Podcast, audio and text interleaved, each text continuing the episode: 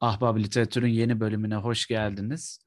Ee, bir süre ara vermek zorunda kaldık belli başlı aksilikler yüzünden ama şimdi tekrar buradayız.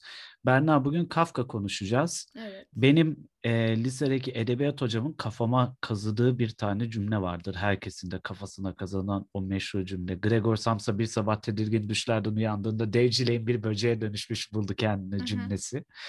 E, Kafka okudun mu? Kaç tane Kafka okudun? Neler hissettin? Oradan bir Kafka başlayalım. okudum. Hatta e, lisans hayatımda da onun e, hikayeleri üzerine birazcık dersimiz vardı. Hocamız böyle Ha, felsefeyle ve Kafka üzerine harmanladığı bir e, syllabus'ı vardı. Syllabus müfredatı hı vardı pardon. Müfredatı vardı. Hı. Aynen. e, onun üzerine okumuştuk. Ama Kafka'yı şöyle söyleyeyim. Dönüşümü iki kez okudum. Bir Aha. gerçekten hiç edebiyattan anlamıyorken okuduğum, lisede Hı hı. okuduğum bir dönüşüm vardı. Bir de gerçekten edebiyat öğrencisiyken okuduğum dönüşüm vardı. İkisi çok farklı deneyimler oldu benim için. Yani içindeki felsefeyi, işte göndermeleri, referansları bir şeyleri anladıktan sonra kitap daha iyi oturuyor olduğunu anladım. Hani edebiyat öğrenciliğinin gerçek e, cevherini gördükten sonra daha güzel oldu yani Kafka okumak. Derdinin ne olduğunu düşünüyorsun Kafka'nın? Mesela sadece Berna olarak baktığında Kafka bu kadar yazdı, çizdi ve derdi de buydu dediğin ne var mesela? Yani şu ana kadar okuduğum kitaplarına, öykülerine bakarak konuşursam böyle bir varoluşçuluk kaygısı var onda. Bir e, yabancılaşma var kendine genel olarak. Hı hı. Hani biraz da sürrealist olarak şey yapıyor. Zaten hani bir böcek olarak uyanan bir karakterden bahsediyoruz yani. Birazcık e, sürrealist bir kar- e, insandan bahsediyoruz. E, Kafka'nın komik olan şey Kafkaesk denilen bir şey var. Kafkaesk Ha. denilen e, olay var. E, bu Kafkaesk'in işte e, tam olarak ne olduğunu açıklamaya çalışırsak da işte böyle anlamsızlık, işte yönlendirilememe, çaresizlik duygularını anlatan hikayelerden, hı. Hı hı. romanlarda Hı hı. şey yapıyoruz. E, genel olarak da bu varoluşçu eserlerde tıpkı Kafka'nın yazdığı eserler gibi eserlerde görüyoruz. E, mantıksız, tekinsiz yaşam olayları var. Gerçeklikten kopmalar var, uzaklaşmalar var. Labirent durumundan kaçmak için net bir eylem notası olmayan karakterler var. Böyle bir hı. Kafkaesk akımından e, şeyinden bahsediyoruz. Dolayısıyla Kafka çok değişik bir yazar bizim için aslında. Hayatıyla da değişik bir yazar. Dönemi içinde değişik, şimdi için bile değişik kalıyor aslında. Şimdi bile abi niye adam böceğe dönüşmüş ki ne oluyor falan diye karşılayabileceğin bir aslında. Evet. Yani dönüşüm üzerinde konuşuyoruz ama eee, yani şimdilik hiç yoktan. Abi nasıl böyle bir işte hikaye yazmış, nereden yola çıkmış, işte ne tetiklemiş falan diye şimdi bile bize garip gelen bir eee, anlatı aslında eee, yazdıkları özellikle mesela dönüşüm. Eee, ama baktığın zaman da bir yandan da hissettirdikleri açısından bakınca da mesela çok fazla e, şey yapabileceğin, relate edebileceğin e, e, İlişkilendirebileceğin. ilişkile ilişkilendirebileceğin, kendine yakın hissedebileceğin çok fazla şey var aslında bakacak olursan. Ee, beni en çok yani ben de dönüşümü okuduğumda işte bahsettiğim o lise hocam, e, edebiyat hocam sayesinde e, okumaya başladım o dönüşüm ki ben lisede de çok etkilenmiştim. Niye bilmiyorum. Öyle bir altyapım da yoktu aslında ama çok hoşuma gitmişti yani o fikir benim. Ee, daha sonra işte e, davayı okuduğumda da mesela aynı şeyi hissetmiştim. Çoğunluklu olarak da tüm bu sürrealliğin, tüm bu tuhaf tu- tuhaf yapının içerisinde aslında bayağı otobiyografik de şeylerden Evet. bahsediyor sanki. Hani bir Bayka e, e, Heh, şeyi var Bayka mesela. davadaydı değil mi? Evet Heh, davada, tamam davayı da davada. okudum o zaman ben. Tamam. Yanlış Yani hani bir Baykal var mesela. Bu Baykal bizim eee, yani hani dava boyunca ben aslında o kitabın tüm sayfalarında, o şeyin adliyenin tüm koridorlarında sürekli Kafka'nın peşinden koşmuşum gibi hissetmiştim. Yani hani Kafka iki adım ötemde gidiyor. Ben de onun peşinden not alarak devam ediyorum falan gibi böyle yani. Öyle hissettirmişti bana. Ve eee, sanki böyle aslında yarattığı tüm karakterlerde, yarattığı tüm öykülerde kendinden çok şey bir şekilde bahsediyor gibi. Hani böyle belki e, ne ismi?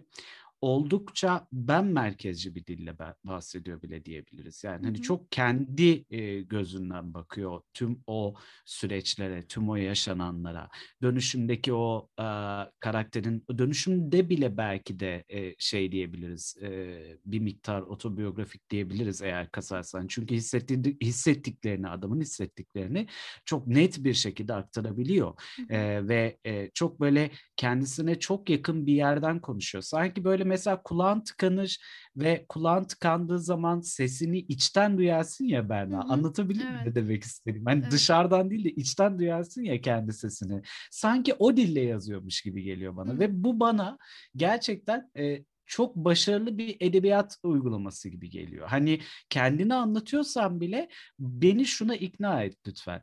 Eğer kendini anlatıyorsan ben anlayayım ki bunları gerçekten çok uzun süre üzerine düşünmüşsün ve daha sonra kağıda dökmüşsün ve hissettiklerini de çok net bir şekilde kağıda yansıtabilmişsin ki adam yakıp yıkmaktan bahsediyordu bu arada hmm. tüm eserlerini yani hiçbiri bize ulaşmayacaktı bu evet. arada yani. Bu arada ee, o da etik olsun. bir şey mi onu da konuşmak lazım yani onu da bir noktada konuşalım. E, konuşalım. E, yani konuşalım. şey şimdi senin bahsettiğin konunun hani böyle kendini tanıma biraz da kendi içine dönme işte kulağın tıkalıdır kendini duyarsın muhabbeti var ya tam bir varoluşçuluk aslında anlattın. Hani varoluşçuluk nasıl bir şey anlatmak ister misin deseler tam olarak bunu söylediğinde bence karşındaki insan anlayacaktır diye düşünüyorum. Çünkü varoluş dediğin zaman önce kendinden başlarsın. Senin varlığını bir şekilde sorgulayarak hani başka şeyleri de tabii ki de sorgularsın varlığını ama önemli olan kendi içine dönüp kendi varlığını ve kendi amacını sorgulamaktır ya. O yüzden Kafka'da bunu okumak yani Kafkaesk bu tekinsiz tanımdan daha çok ben Kafka'yı şey olarak görüyorum. Kendini tanımaya çalışan, kendini çözmeye çalışan ve bu yolda da yine başka şeyleri de tanımaya çalışan biri olarak görüyorum. Ve Kafka da kendini çok yansıtıyor karakterlerin aynı şekilde. Hayatına Kesinlikle dönelim öyle. o zaman madem. Şeyde E, konuşalım. hayatına dönelim. Notların var senin belli Tabii ki. tabii. Ben, benim notlarım var. Ben dersimi çalıştım öğretmenim. Yürü be. Yani e, zaten ben şey e, biz lisanstayken de hayatını az çok öğrenmiştik. Ben yine oradan hatırladıklarımla devam edeceğim de. Hı.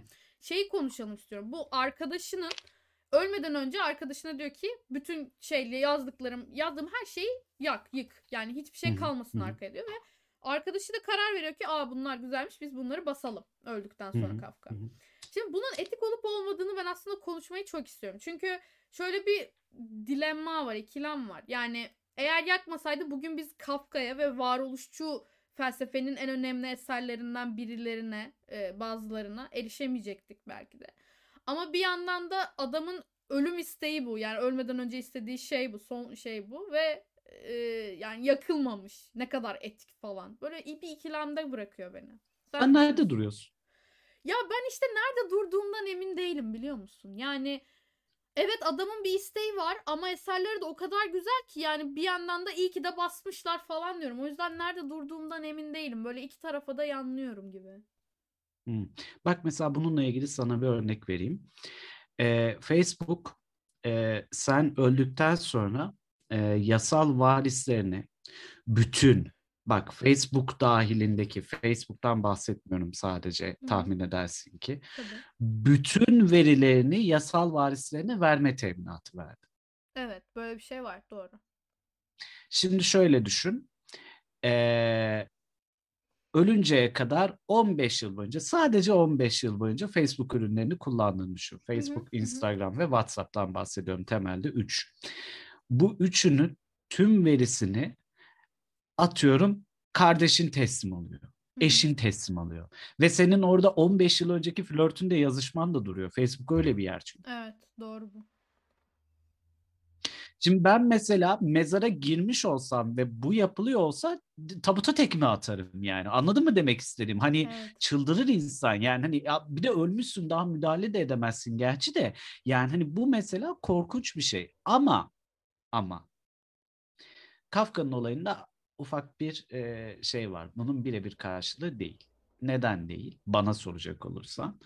Çünkü evet istediği kadar otobiyografik olabilir. Kabul. Okey. E, belki baştan sona kendini yazdı. Hiç önemli değil. Ama bunlar gerçekten kamu malı olabilecek nitelikli güçlü eserler. Çok güçlüler. O yüzden zaten böyle bir yandan Kafka'nın demek istediğini anlasam da bir yandan da iyi ki de basılmışlar diyorum hani. Yapacak bir şey yok. Yani çok güzeller. Aynen öyle. Altından kalkamayacağın kadar büyük bir külliyat var orada ve o külliyatı hiçbir şekilde yani yok olmasını isteyemeyeceğim bir şey. Yani kütüphane yakmak da aynı şey aslında bakacak olursan. Şimdi günümüzden Kafka'ya baktığın zaman. Anlatabildim mi? Ya mesela ben de arkadaş olsam ben de yapamazdım ben. Dürüst olayım yapamazdım. Yakamazdım, yani. yani. Yakamazdım. Yani elim gitmezdi yani. Hani belki mesela torunuma devrederdim. Belki o torununu devrederdi falan. Yine basmazdım Hı. ama bir yerden bir yere taşınırdı. Bir elden bir ele geçerdi. Ama yakamazdım. Yok edemezdim yani. Yani bana, Bilmiyorum seni merak ediyorum. Ben bana birazcık şey geliyor. Hani etik dışı bir şeymiş gibi geliyor. Ee, e öyle, öyle. Yani etik dışı evet ama bir yandan da diyorum ki yani bunların gerçekten basılması gerekiyordu. Hani çünkü çoğu yazar böyle bir şekilde keşfedilmesi için e, bir şekilde gün yüzüne çıkması gerekiyor ya. Hı hı. Ve Kafka da onlardan biri ve gerçekten önemli bir yazar. Yani biz sadece dönüşümden bahsetmiyoruz ya da davadan bahsetmiyoruz. Bunun işte şatosu, Amerikası, Millennium mektupları, yargısı daha bir sürü şey. Kısa hikayeleri, hikayeleri de var yani Kafka'nın. Ee, inanılmaz bir kalemi var.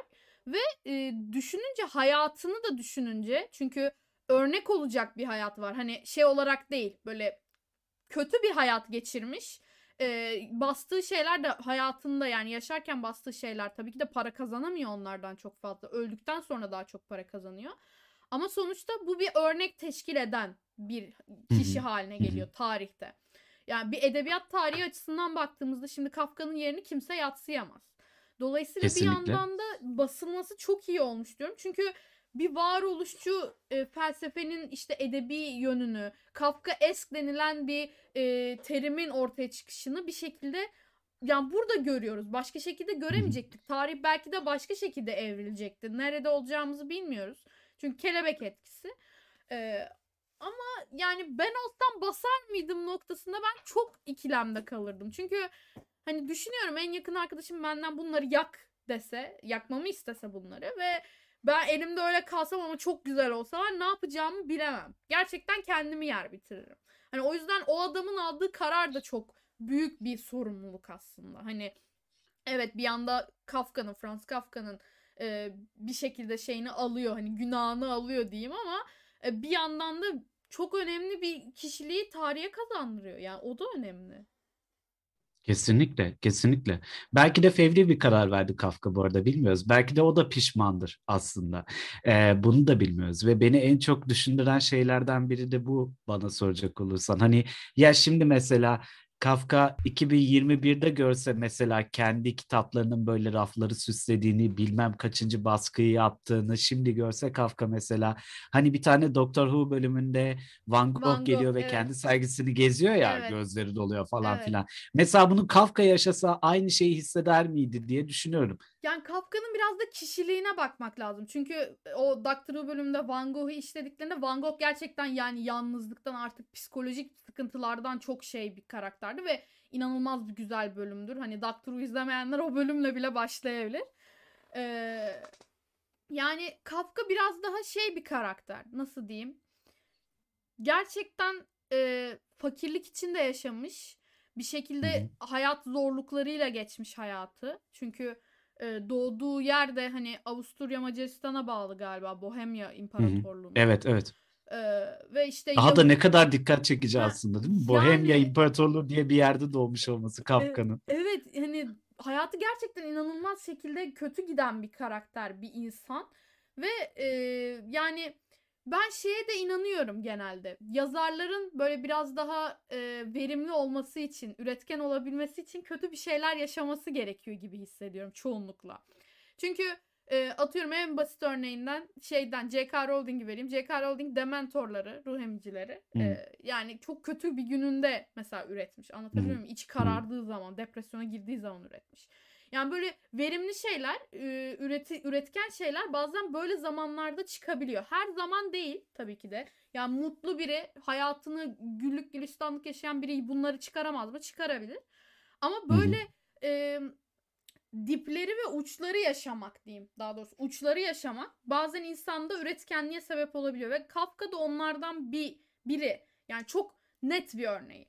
Dolayısıyla e, basıldığını görse ve mutlu olur muydu olmaz mıydı sorusuna böyle şey bakıyorum. Yani bir yandan hayatım düzelecek diye belki de sevinebilirdi ama bir yandan da benim istediğim bu değildi. Ben sanatımı bunun için yapmıyorum gibisinden de şey yapabilirdi. Çünkü şu anda Kafka okumak birazcık şey popülist bir iş haline geldi. Hani Hı-hı. ben Kafka Hı-hı. okuyorum tatlım diyenlerin işi haline geldi. Kafka okumadım demek insanlar için utanç kaynağı haline gelmeye başladı. Neden? Çünkü çok basılıyor. Çünkü telifi düştü vesaire vesaire. Hı-hı. Dönüşümü okuyup anlamayanlar da var.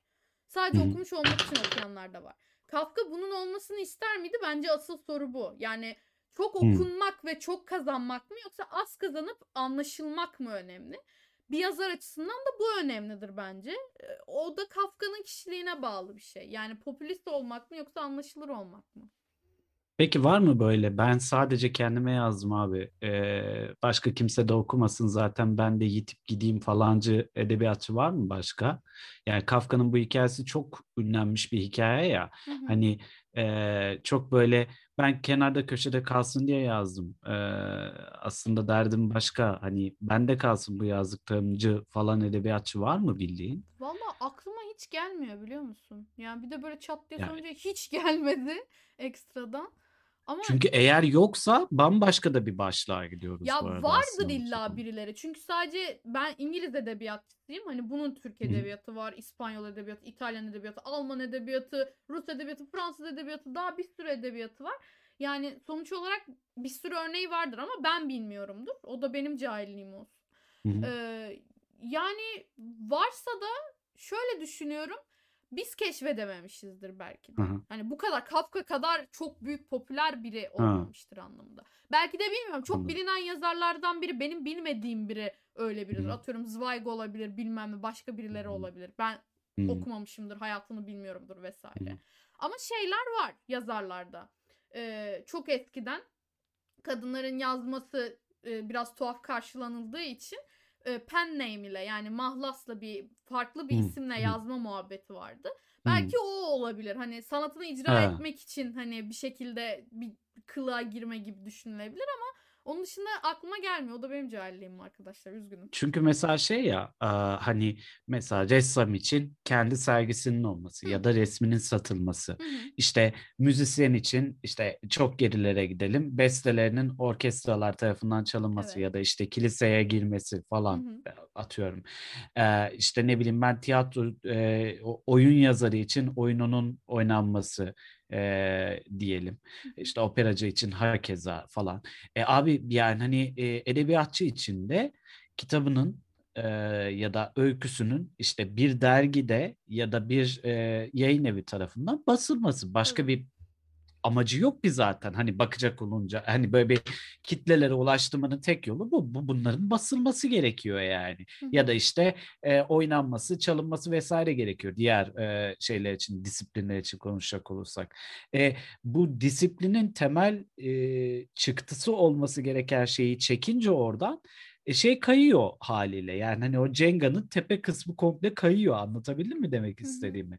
E, mesela e, şeyi biliyoruz çok fazla var o. İşte döneminde asla yayıncı bulamayan ya da yayıncı bulsa bile işte ilgi görmeyen daha işte 50 yıl 100 yıl sonra e, çok böyle kıymet anlaşıp wow bu neymiş denilen çok fazla edebiyatçı var. Folk evet. hem de yani gırla var. Ama ya da e, şeyi bilmiyoruz işte e, ne diyor ismi benim kitabım benim işte öykülerim basılmasın falan diyen edebiyatçı varsa ya diğerlerinin tamamının sözü tutuldu. Hı hı. Evet yani. Ve Kafka sadece ihanete uğradı. Çok da güzel bir ihanete uğramış. Aa bundan ya da... çok güzel tez konusu çıkar ha. Bu arada bizi dinleyen edebiyatçılar varsa Kafka'nın ihanete uğraması üzerine tez yazabilirsiniz bence. Ya. Psikolojik, sosyolojik bir şeyler bulursunuz bence buradan. Kafka'nın ihanete uğraması. Kafka Güzel. ihanete Kafka'nın... mi uğradı yoksa hani dünyaya bir figür mü kazan kazandırıldı? Evet evet evet. Al sana Kesinlikle. konu. Al sana konu. Te- Bana Kesinlikle. te- teşekkür edersiniz artık tezinizde. Aynen öyle. Ben Ayca Gündüz'ün hazırlayıp sunduğu podcast'te ya daha doğrusu tezde. Ee, şaka bir yana şey yani hani şeyi merak ediyorum gerçekten. Bunun gibi pek çok edebiyatçıyı aslında kaybettik mi? Falan noktasına Evet. çok geldiğim oluyor Kafka'yı düşündüğüm zaman. Çünkü eğer kaybettiysek çok kötü. Bu arada kesinlikle kaybettik. Ben kaybetmemiş olma ihtimalimiz olduğunu düşünmüyorum. Yani mutlaka kaybetmişizdir. Hani çok yayınlanmasını istediği halde bile yayımlanmayanlar hani Hmm. beni yayımlamayın diyenleri de geçtim. Hani onları bile kaybetmişizdir. Ne cevherler vardır. Yani biz Hmm. e, şey İskenderiye Kütüphanesi'nin yakıldığı bir insanlıktan Ha. bahsediyoruz. Neler neler olmaz bu dünyada. Doğru söylüyorsun aslında. Kafka'nın hayatına geri dönsene. Başka ne notun var? Var mı ya da? Ee, var aslında. Ne demişim? Bakıyorum. Ee, şöyle ilginç bir detay var. Albert Camus, Jean-Paul Sartre gibi isimleri etkilemiş. Evet, Kendisi evet. Zaten etkilemiş. Kamu'nun yabancısı mesela onun bayağı bildiğin Evet. Ritter dönüşümüyle gibi, çok. değil mi? Tabii tabii. Ee, yani e, bu beni mesela şey yapmıştı. Genelde bu isimler birilerini etkiler deriz ya. Hmm, Kafka'nın hmm. etkilemiş olması bana şey geliyor böyle. Hani gerçekten adam e, edebiyat felsefesi, felsefik bir edebiyat açısından çok Hı hı. kilit bir nokta. Şimdi bugün hı. varoluşçuluğu düşündüğün zaman işte nihilizmi ne kadar ne kadar nereye kadar sürüklersen sürükle bir yerde Kafka'ya dokunmak zorunda kalıyorsun. Çoğunlukla. Evet. E, felsefe dediğin şey de birazcık sadece düşüncelerle örneklendirebileceğim bir şey değil. Eserlerle de, tarihi olaylarla da verebileceğim bir şey. Bir e, olgu, bir e, nasıl diyeyim, ideoloji, bir oluşum. Şimdi e, edebiyatın bu noktada çok büyük bir katkısı var. Çünkü nasıl bir katkısı var? Felsefe dediğin şey sadece e, didaktik bilgilerin yazılımıyla bugüne kadar gelmiş bir şey değil. Sonuç olarak eserlerde yansıtılan, tarihi olarak e, bize gelen, gelebilen eserlerde biz bunları görebiliyoruz. Ve bu da Hı hı. e, yayılmasında, daha çok anlaşılmasında büyük bir rol oynuyor. Şimdi ben varoluşçu felsefe dendiği zaman sıkıcı sıkıcı didaktik olarak öğreneceğim yere gider Kafka okurum, işte Camus okurum, Sartre okurum. Biraz daha oturur. Edebiyatın bu alanda çok büyük bir faydası var. Kafka da bunu sağlayanlardan biri. O yüzden önce olması gerçekten beni böyle etkileyen bir şey olmuştu aslında. Öyle yani hani şey gibi duruyor. Varoluşçuluk için gerçekten tam böyle eee, anahtarın kilide girdiği ve kilidi açtığı kapıyı açtı ve sonra diğerlerinin de peşinden takip Aynen. ettiği bir noktada aslında. Çok çok özel bir nokta orası.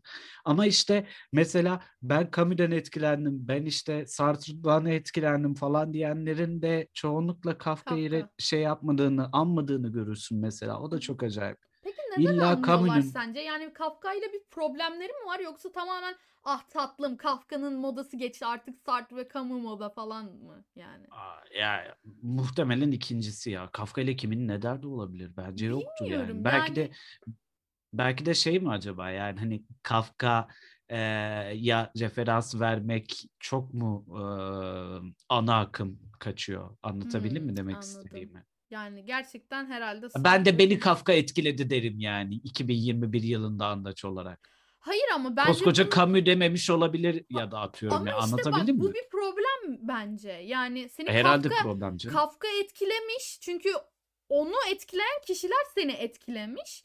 Sonuçta Hı hı. sen bir şekilde ondan etkilenmişsin ve bunu utanıyorsun söylemeye. Neden? Çünkü ana akım haline geldi diye. Bu büyük bir problem. Edebiyat açısından da büyük bir problem. Peki bu problemi sence okurlar mı yaratıyor yoksa yazarın eee, nasıl diyeyim yani düşünceleri anlatmak istedikleri zamanla demode olduğu için mi? Kaldı ki ben demode olduğunu düşünmüyorum. Hala Kafka'nın çok varoluşçu açıdan Yo, çok geçerli jenerik düşünceleri var. aslında anlatılar. Evet jenerik anlatılar Kafka'nınkiler. Yani hani farklı çok farklı bir biçimde sunulsa da Hı hı. aslında e, 100 yıl sonra da bundan 100 yıl sonra Evet. da e, şey olabilecek, e, popüler kalabilecek anlatılar aslında bakacak olursan. Hani e, çok böyle insanlığın tamamı için e, bireysel anlamda baktığın zaman çok alışılageldik yani daha doğrusu tanınmış bilinen duygular aslına bakacak olursan anlattıkları.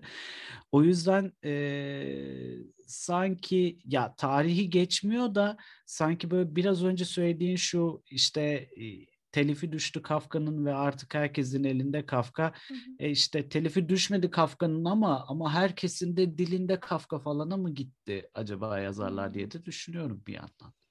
Bilmiyorum. Bilmiyorum. Belki de o zamanlar bu arada şeyi de hesaba katmak lazım. Belki de mesela Sartre'ın zamanında belki de e, ya da işte kendisinden Sartre'dan sonra gelenlerin zamanında belki de Kafka şu anki kadar e, göz önünde değildi. Tabii tabii değildi Kafka bu kadar yani. Ya belki de o nedenle. Ama belki biraz de da mesela Kafka şimdi istememiş bunu belli ki. Yani ya herhalde canım yani, Yani. herhalde.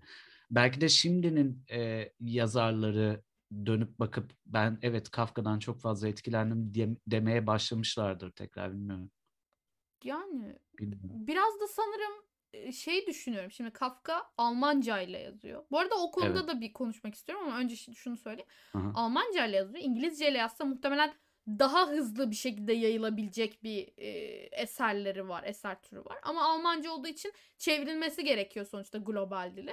Ve bu bu da bir nebze yavaşlatmış olabilir tarihi gelişim sürecinde. Kesinlikle. Ee, Kesinlikle. Mesela Kafka bir Amerikan olsaydı, İngiliz olsaydı, e, İngilizce ile yazsaydı nasıl ilerlerdi? Acaba varoluşçu felsefede adını daha çok duyurabildiği için belki yaşamında da daha farklı bir yere gelebilir miydi diye düşünüyorum. Çünkü öldükten sonra zaten evet çok değerleniyor. Çoğu yazarın böyle oluyor ama bir de yaşamında acaba değer görebilir miydi?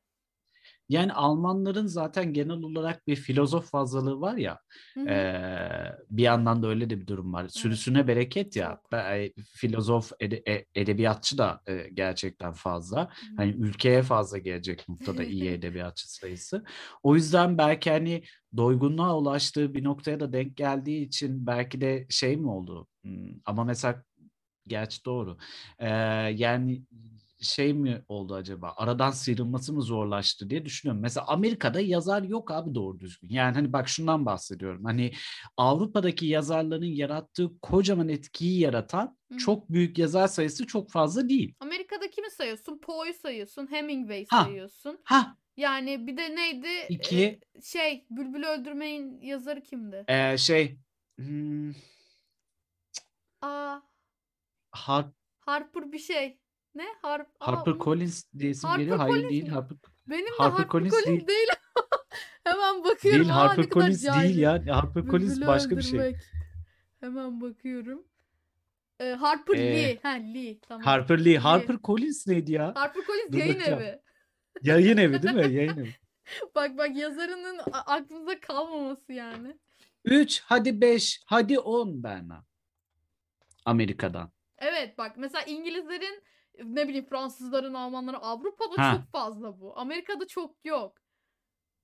Özellikle kıta Avrupa ve İngiltere daha sonradan Evet, işte. evet. Yani hani e, çok büyük şeyler yapan yazarlarla, filozoflarla dolu. Ama Tabii. mesela bu adamın Kafka'yı koy Amerika'ya. O şu an yani hani şey olur yani çılgın atan. E Freud'u düşün. Evet. Freud Amerika'da Freud Amerika'da gerçekten insanların hayatına dokunmadan önce çok büyük etkiye sahip bir adam değil. Çok büyük popülerlik yakalamış bir adam da değil Freud. Evet. Ya bir de Amerika'da şöyle bir 1900'lerin şey var. başında Hı hı. Ha. Sen devam et. 1900'lerin başında Freud işte halkla ilişkiler ve reklamcılıkla ilgili tavsiyeler vermeye başlayınca Freud Amerika'da tanınan biri haline geliyor ve bize hala Freud'u pazarlayan şey de bakacak olursan Amerika yani. Evet. Wow. Gördüm yine büyük resmi bak fark ettin mi? O Evet. işler öyle değil yeğenim. Büyük oyunu gördün. Şurada sigara belirdi şu an böyle. Burada bir tane Samsung paketi var şu an. Çizgili bir tane tişörtün oldu değil mi hemen? Çizgili tişörtüm var. Çıkar telefonunu ben daha bakacağım. Ya ben de tam onu olarak onu diyecektim. Amerika kendi figürlerini diyeyim, kişiliklerini satmayı biliyor. Amerika'da böyle bir kültür var çünkü. Amerika bunun üzerine düşebilen bir kültür. Kafka'yı Amerika'da düşünseydik muhtemelen şu anda gerçekten Tişörtlerini falan giyiyor olurduk bu arada. hala giyiyoruz yani gerçi. Çünkü Giyiyor muyuz? Kafka'nın tişörtleri var mı bilmiyorum. var. Ya her merchandise çok bol yani şeyinden e, best çantasından tişörtüne kadar var her şeyi. Hani Ha. o yüzden ben şaşırmıyorum. Tişörtünü giyen biri görsem ha falan derim, okey derim. E, genelde zor olur edebiyat e, figürlerinin tişörtlerini görmek. Ama vardır illa. Hani var gören olursa bize bir yerden sosyal medyadan ulaştırsın hatta andaça gösterelim arkadaşlar. Evet gösterelim bana. Merak ettim. Ben şeyi konuşmak Yani her şekilde ha her şekilde Amerika'da olsaydı çok daha popüler olurdu net. Evet, evet. İşte bu dil konusunda ben asıl konuşmak istiyorum. Hı. Şimdi adam Bohemyalı, Avusturya Macaristan'a bağlı bir Hı. krallık. Ee, artık hı, olmayan bir yer. Bohemya diye bir Hı hı. yer yok. hı hı. Ama Almanca yazıyor. Ve biz kendisini Alman edebiyatına dahil ediyor muyuz, etmiyor muyuz? Çünkü benim şöyle bir problemim var.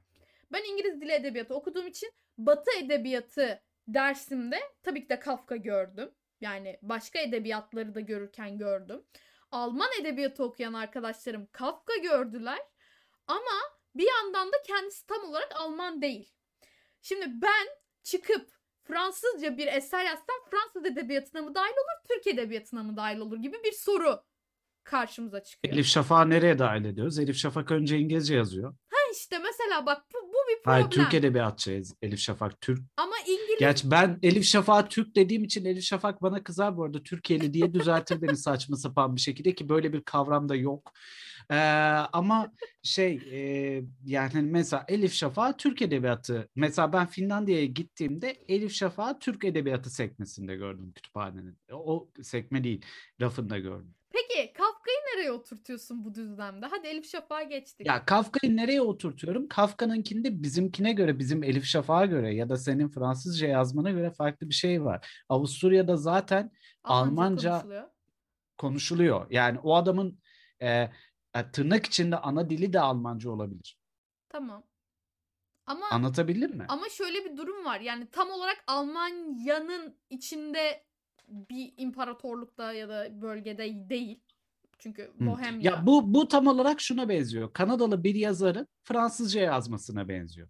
Tamam işte aynen aynı durum. Aynı durum. Ama işte Çünkü Kanadalı adamın alman ikinci gerekiyor? dili Fransızca, Hı hı. Ee, ilk dili İngilizce Ee, ve işte Fransızca yazıyor. Evet, ona herhalde yani I don't know ya. Ya Alman edebiyatı de- deyip geçmek çok mantıklı. Çünkü Avusturya edebiyatı Değil mi? Öyle bir Hı. şey yani belki vardır Avusturya edebiyatı ve ben şu an büyük vardır saygısızlık da- yapıyorumdur ama hani şey Yani olarak Avusturya edebiyatı vardır belki diyorum. Tabii ki de Avusturya insanları, Aha. bireyleri yazıyordur bir şey, edebiyat üretiyordur.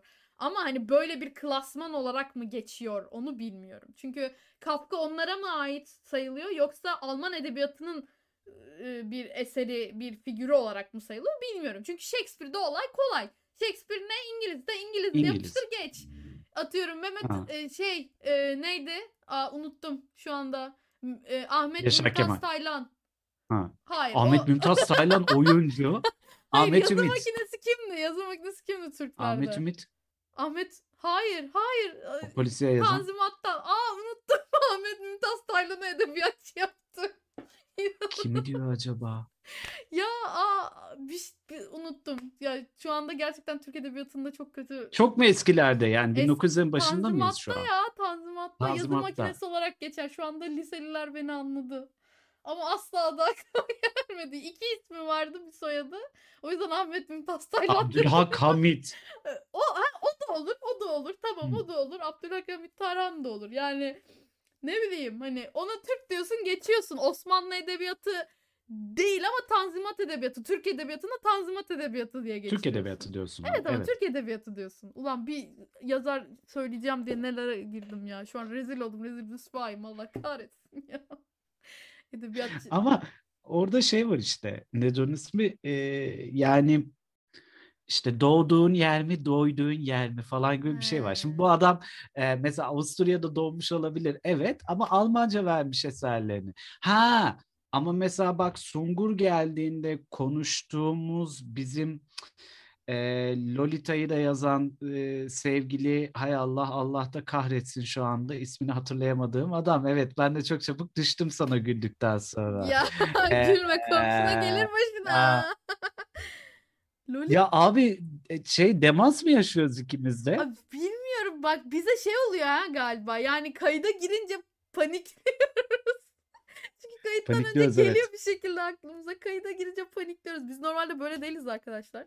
Hani bizi tanıyın. Ben ben de Aynen öyle şey. şey olabilir bizde B12 Nabokov, Nabokov, Nabokov, Heh, Nabokov, Nabokov, Tamam. Nabokov. Ha, Nabokov. Nabokov mesela e, Rus e, ama hem Almanca hem İngilizce eserler vermiş. Evet. E, orada da karışık bir şey var. Hatta ilk İngilizce yaz- yazdığı kitap, bak mesela onun ismini hatırlıyorum. İlk İngilizce yazdığı kitap Sebastian Knight'ın Öteki Yaşamı, Hı hı. Eee, şey gerçek yaşamı. O, o mesela şey çok e, yani baktığın zaman o adamın İngilizce yazdığı ilk kitap bile büyük bir olay yaratmıştı ki dergilerde yayınlanıyordu Nabokov'un kitapları. Hatta Playboy'da yayınlanmışlığı var Nabokov'un yazdığı şeylerin yani. Hani öyle bir e, nokta düşün Nabokov'u. E, erotizminden dolayı değil bu arada. Şahane birer edebi eser olduğu için de Playboy'da yayınlanabiliyordu. Hı hı. E, yani hani onu nereye koyacaksın? E adam hem Almanca yazmış hem İngilizce yazmış hem daha da Rusça da yazmış. Yani gittiği her yerde eser vermiş. E işte orada da biraz doğduğun yer değil gerçekten doyduğun yerci gibi bir tavra Ya geliyorsun belki de galiba. bunun açıklaması gerçekten çok basittir ve Alman edebiyatı deniliyordur basit bir şekilde. ya da Kesin değil Alman edebiyatı deniyor. Yani Kesin Alman edebiyatı Kesin Alman edebiyatı. Ben de Alman edebiyatı olarak düşünüyordum. Bu yaşıma kadar hep öyle düşündüm ama biri benim aklıma karpuz çekirdeği düşürdü. Ve ben bunu sorgulamaya başladım. Dedim adam Almanca yazıyor ama Alman değil. Na- nasıl oluyor? Muhtemelen bunun çok net bir açıklaması var. Alman edebiyatı okuyan arkadaşlar, bunun e, tillahı olan arkadaşlar açıklayabilecektir. Hmm. Bence bunu çok güzel bir seyirciye bırakma sorusu olarak şey yapabiliriz. Sosyal medyadan bize yazarsınız. Peki siz bu altına. konuda ne düşünüyorsunuz? de yazın yorum. Biraz etkileşim katalım kardeşim. Hep böyle tek Biraz başımıza mı etkileşim. konuşacağız? Şaka bir yana yani hani şey bana soracak olursan Alman edebiyatı Evet. de geç ya anasını satayım ne kafanı yoruyorsun falan derim sana muhtemelen yani. Hani bunu bir arkadaş sohbetinde söylüyor olsam bana saçmalama ben daha düşündüğün şeye bak Alman edebiyatı da geç anasını satayım Kardeşim yani. biz buraya düşünmeyerek gelmedik. Düşünerek geldik. Beyin hücrelerimizin en küçük zerresine kadar düşüneceğiz ki buraya geleceğiz. Biz buraya düşünmeyerek değil düşünerek geldik mi dedin sen biraz önce bu cümleyi bir revize etmek istiyor musun?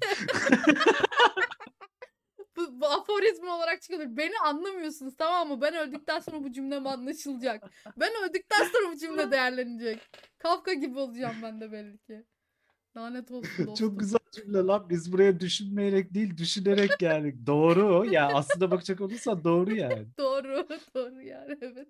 Ama o kadar doğru ki bir yerde tekinsiz hissettiriyor insanı anladın mı? Kafkaesk işte. Cümlede bak. Kafkaesk. Abi of abi çok iyi.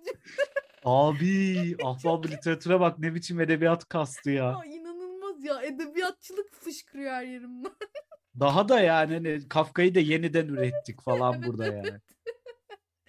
Biz düşünmek için varız burada yeğenim diye. Bir de Ya amca şeyiyle bitirelim o halde.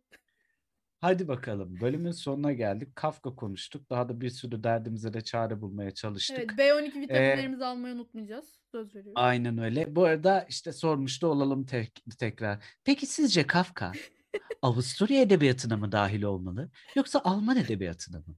Bir dahaki bölümümüzde sizden gelen cevapları seslendireceğiz. Lütfen yazın.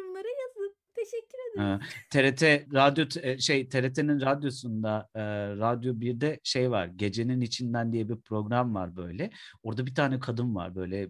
Da- Daha da ID'sini de verdim kadının ya anladın mı? Bir tek TC kimlik numarası eksik yani. Evet. Orada bir tane kadın vardı böyle ya şey yapıyordu böyle.